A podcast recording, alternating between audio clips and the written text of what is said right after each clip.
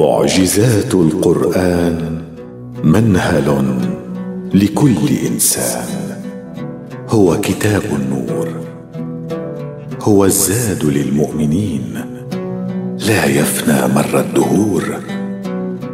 هو حصن قلاع الدين.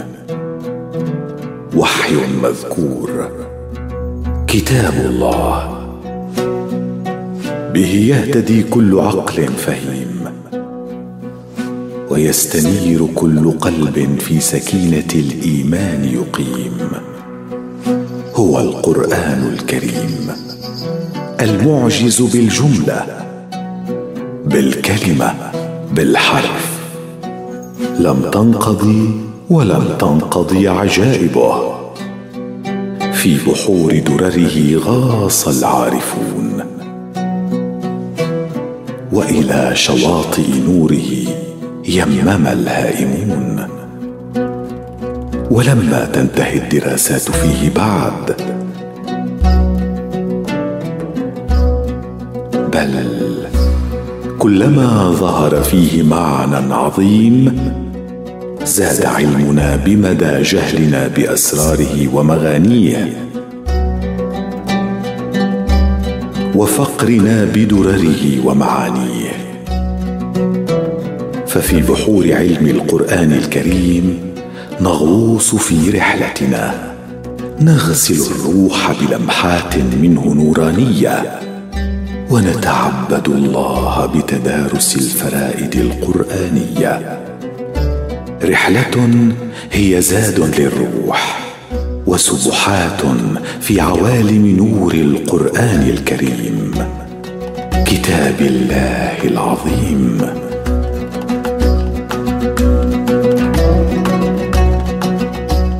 فريدة من القرآن ونصوع البلاغة والبيان.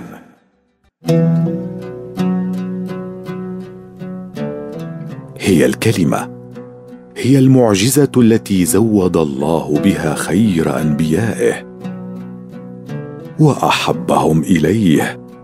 كان خليله فأعطاه دليله. الكلمة. وأي كلمة؟ إن هي إلا كلمات الله أوحى بها إلى رسوله الكريم محمد صلى الله عليه وآله وصحبه وسلم. فأضاء الدنيا بالكلمة. واستنقذ القلوب من الظلمات إلى النور بالكلمة. وغسل الأرواح في عوالم من عطر الإيمان المبخور بالكلمة. في الكلمة هامت أرواح ونفوس ونذرت قرائح عظيمة. نالت عظمتها ببركة جهادها في حرم خدمة الكلمة التي أنزلها الله تعالى في سماه. على عبده محمد رسول الله. فألفت كتب عظيمة تتناول الكلمة وورودها في القرآن الكريم ومعناها في سياق الآي العظيم وبلاغتها ومرادها في السياق القرآني. وذابت قرائح العلماء تستغيث المعنى من الرسم المصور وتستنجد بالله أن يقدر لها الفهم المقدر. فكيف نزلت الكلمة؟ فيما تكررت ها هنا وفيما ها هنا تفردت. إذ وردت بعض الكلمات في القرآن الكريم متفردة بالظهور مرة واحدة والفريدة في معناها العميق المنقطعة عن القرين أي التي لا مثيل لها ولا وزين ولا شبيه. وليس تفرد هذه الكلمات في القرآن الكريم إلا لغاية عظيمة ومؤدى كريم. وفي هذا البحر من بحور القرآن الكريم نحاول أن نغوص في هذا المقام لنتلمس بعض جوانب الإعجاز في الفريدة القرآنية. ورد في سورة القمر قوله تعالى بسم الله الرحمن الرحيم. فدعا ربه أني مغلوب فانتصر. ففتحنا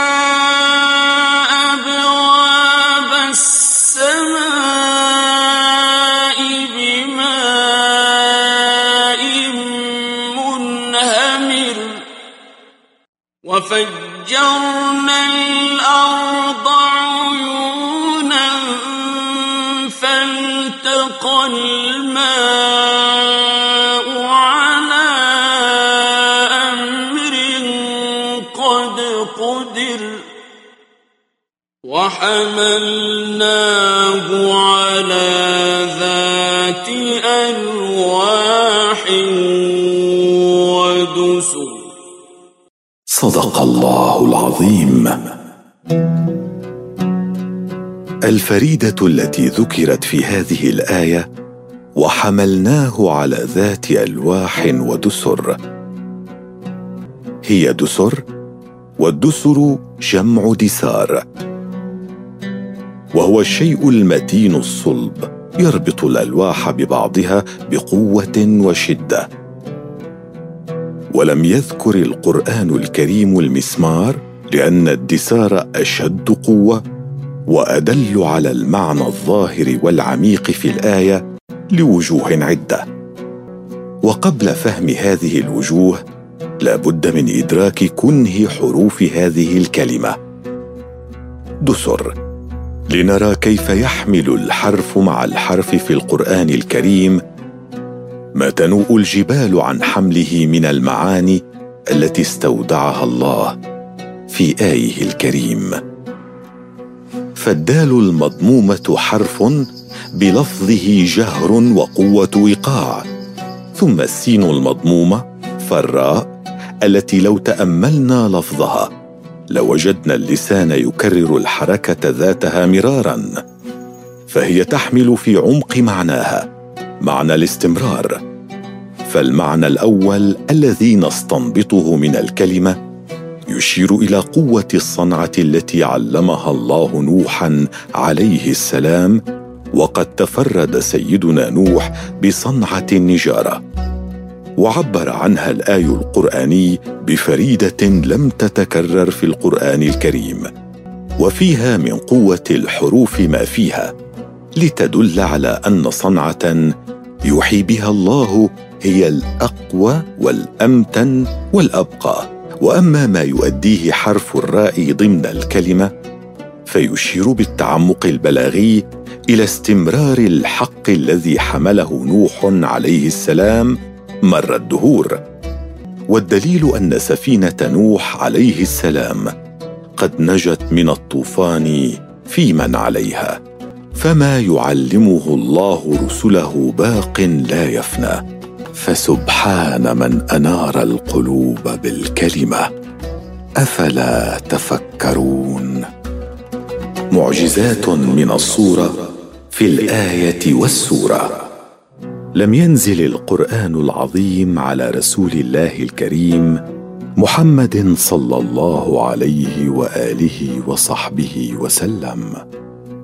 إلا وقد هامت عقول العلماء تتدبر معانيه وتستقصي مغانيه وتفيد من ينابيعه وتستغني من بحوره. ومن بين أفواج الحجيج في حرم علوم القرآن الكريم تجد أفواج العلماء لعلوم العربية تتزود منه وتتلمس المعاني العظيمة من الكلمة والحرف والجملة. مبحرة في عميق المعنى ومجاهدة في تدارس الصورة ومناضلة في سباق خدمة القرآن الكريم.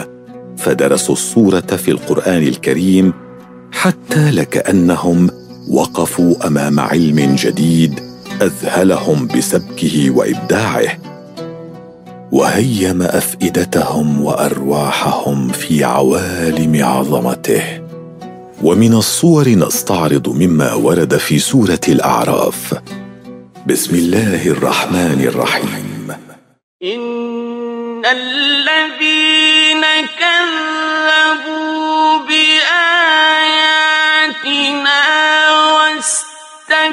واستكبروا عنها لا تفتح لهم أبواب السماء.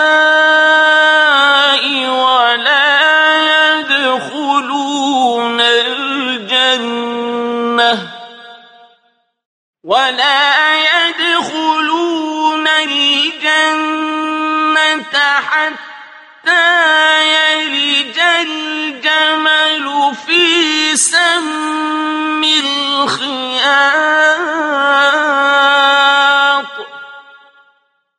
وكذلك نجزي المجرمين.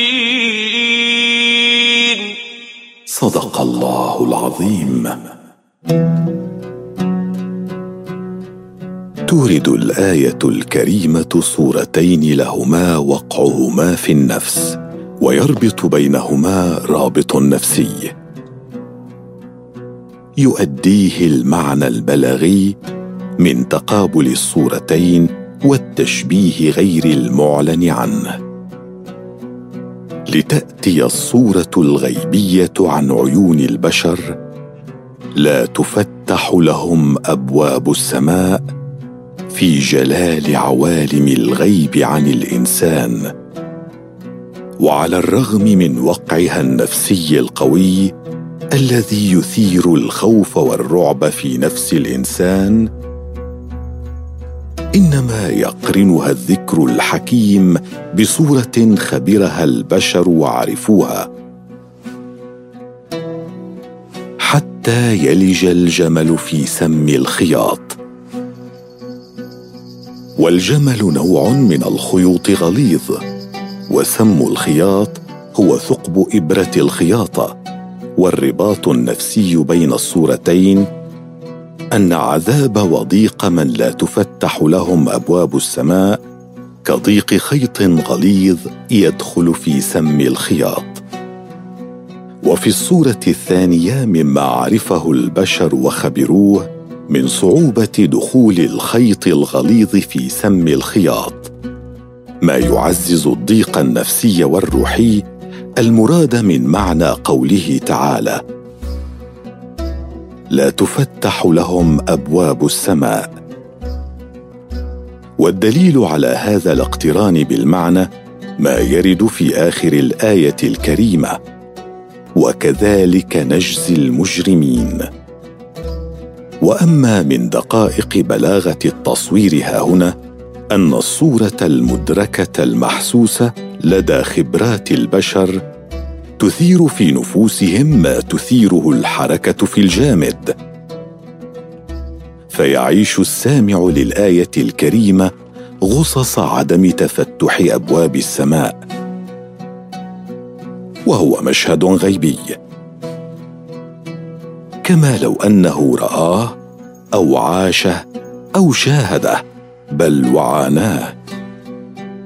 وهذا ما تؤديه الصورة الحية الحركية المدركة لدى البشر.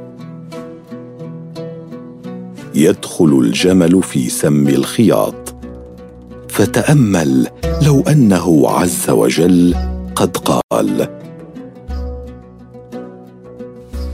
لا تفتح لهم أبواب السماء واكتفى لنقص الأثر النفسي بالخوف من الله وهو المراد من الآية الكريمة. أما استكمال تشبيه صورة بصورة أو ما يسمى بلاغيا المقابلة فقد أوضح المعنى المراد أيما إيضاح. وترك وقعه في النفوس وجلا وخوفا من عزة الله وجلاله وسبل انتقامه ممن يستكبر على آياته ويعرض عن هداه. فسبحان من صور فأبدع وقد خلق فأخشع.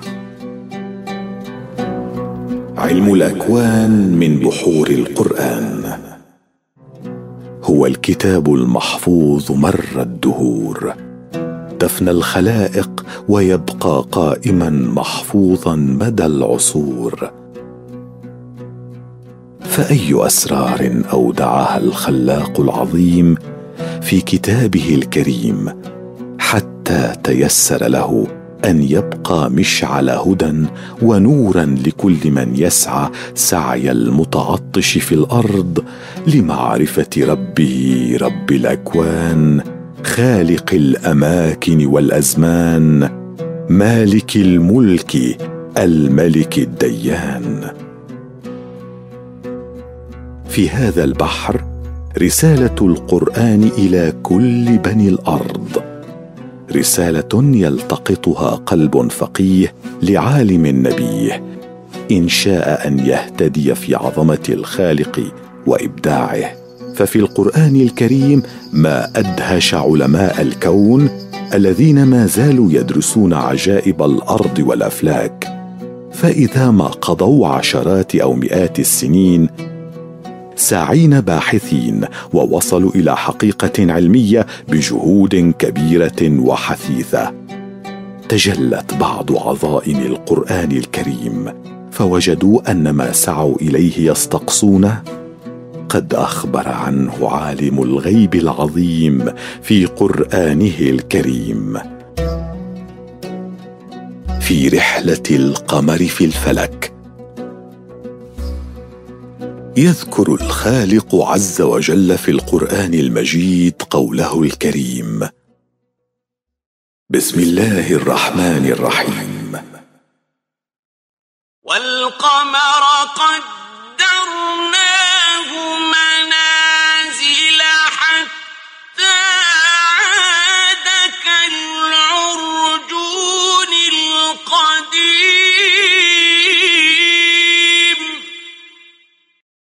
صدق الله العظيم.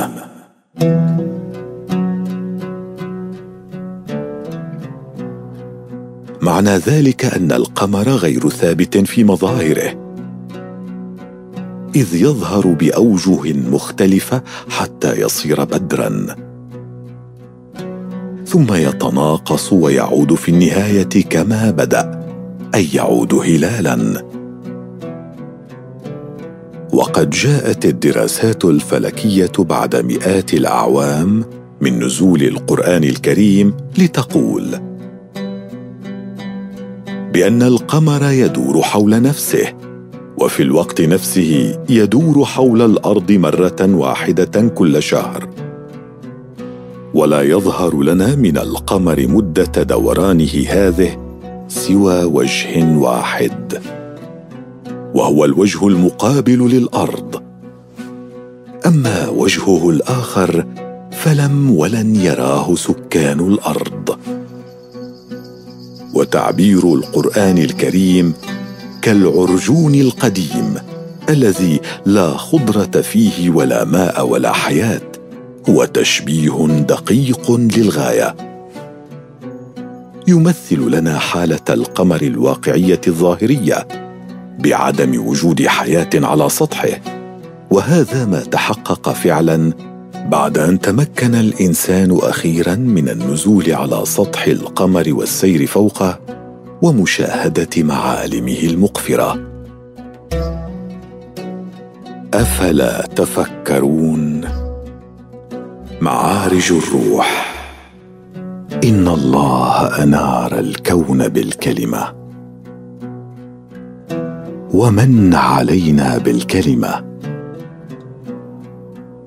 وأنعم علينا بالكلمة. فنزل الوحي العظيم على رسول الله وحبيبه الكريم. محمد صلى الله عليه وآله وصحبه وسلم. وفي سبحات عوالم الكلمة نتقرب إلى الله ربنا ببعض الأبيات قيلت في عظيم مقام القرآن الكريم. هذا كلام الواحد الخلاق في دفتيه مكارم الأخلاق. هذا كتاب الله دستور الورى وبه رقي الناس والأعراق. هذا كتاب الله نور ساطع متلألئ كالكوكب البراق. هذا كتاب الله فجر مسفر. من بعد ليل كالح الآفاق. هذا كتاب الله مصدر عزنا وبه سنشرق أروع الإشراق. هو خاتم الكتب التي قد أنزلت للسابقين بشرعة ووفاق. هو نهجنا وفلاحنا ونجاحنا وملاذنا وسعادة العشاق.